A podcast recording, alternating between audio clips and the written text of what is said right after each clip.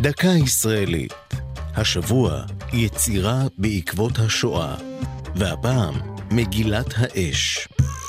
בלב יער הקדושים שבהרי ירושלים, מעל ששת מיליוני העצים שניטעו לזכר נספי השואה, מתנשאת לגובה שמונה מטרים יצירתו של הפסל נתן רפפורט, מגילת האש.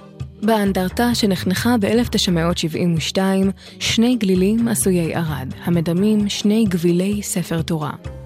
האחד מסמל את השואה והשני את התקומה. בראשון מתארים התבליטים את האסונות שפקדו את עם ישראל, מהחורבן בימי המרד הגדול ועד לימי השואה. לצד הדמויות העולות מהלהבות, אפשר לזהות למשל את דמותו של יאנוש קורצ'אק, הצועד אל מותו עם חניכיו. הגביל השני מתאר את התקומה ואת הקמת המדינה. מפוסלים בו עצי זית, מנורת בית המקדש, חבורה רוקדת הורה, ומעל לכולם, דמות זקן מסתורית. ייתכן שמדובר באליהו הנביא, סמל הנבואה ששמרה על עם ישראל בשנות גלותו.